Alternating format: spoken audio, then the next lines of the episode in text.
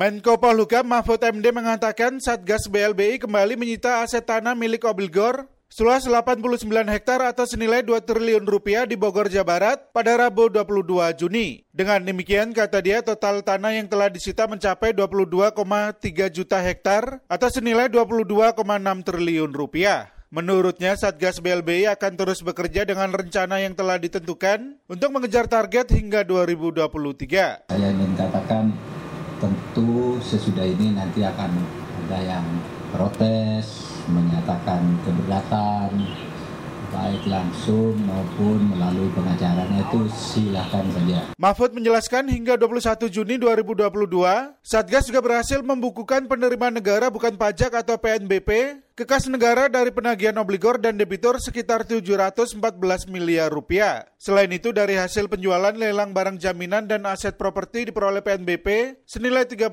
miliar rupiah. Belum lagi, Satgas BLBI telah menetapkan status penggunaan sitaan aset untuk kementerian dan lembaga, serta digunakan untuk penyertaan modal negara non-tunai kepada BUMN. Di lain kesempatan, anak obligor BLBI Kaharudin Ongko, Irjanto Ongko menggugat Satgas BLBI ke PT UN Jakarta pada Selasa 7 Juni. Ia menggugat Satgas BLBI untuk mencabut penyitaan pemasangan pelang maupun penilaian atas dua bidang tanah di Jakarta dengan luas masing-masing 1.800-an meter persegi dan seribuan meter persegi. Selain itu, Ongko menggugat Satgas BLBI membayar ganti rugi material dengan nilai sebesar 216 miliar rupiah dan meminta Satgas BLBI membayar uang paksa sebesar 1 miliar rupiah untuk setiap hari keterlambatan pelaksanaan putusan. Menanggapi hal itu, Koordinator Masyarakat Anti Korupsi Indonesia atau MAKI, Boyamin Saiman meyakini Majelis Hakim PTUN Jakarta akan menolak gugatan yang diajukan obligor BLBI. Ia beralasan para obligor memang memiliki kewajiban hutang yang harus dibayarkan ke negara.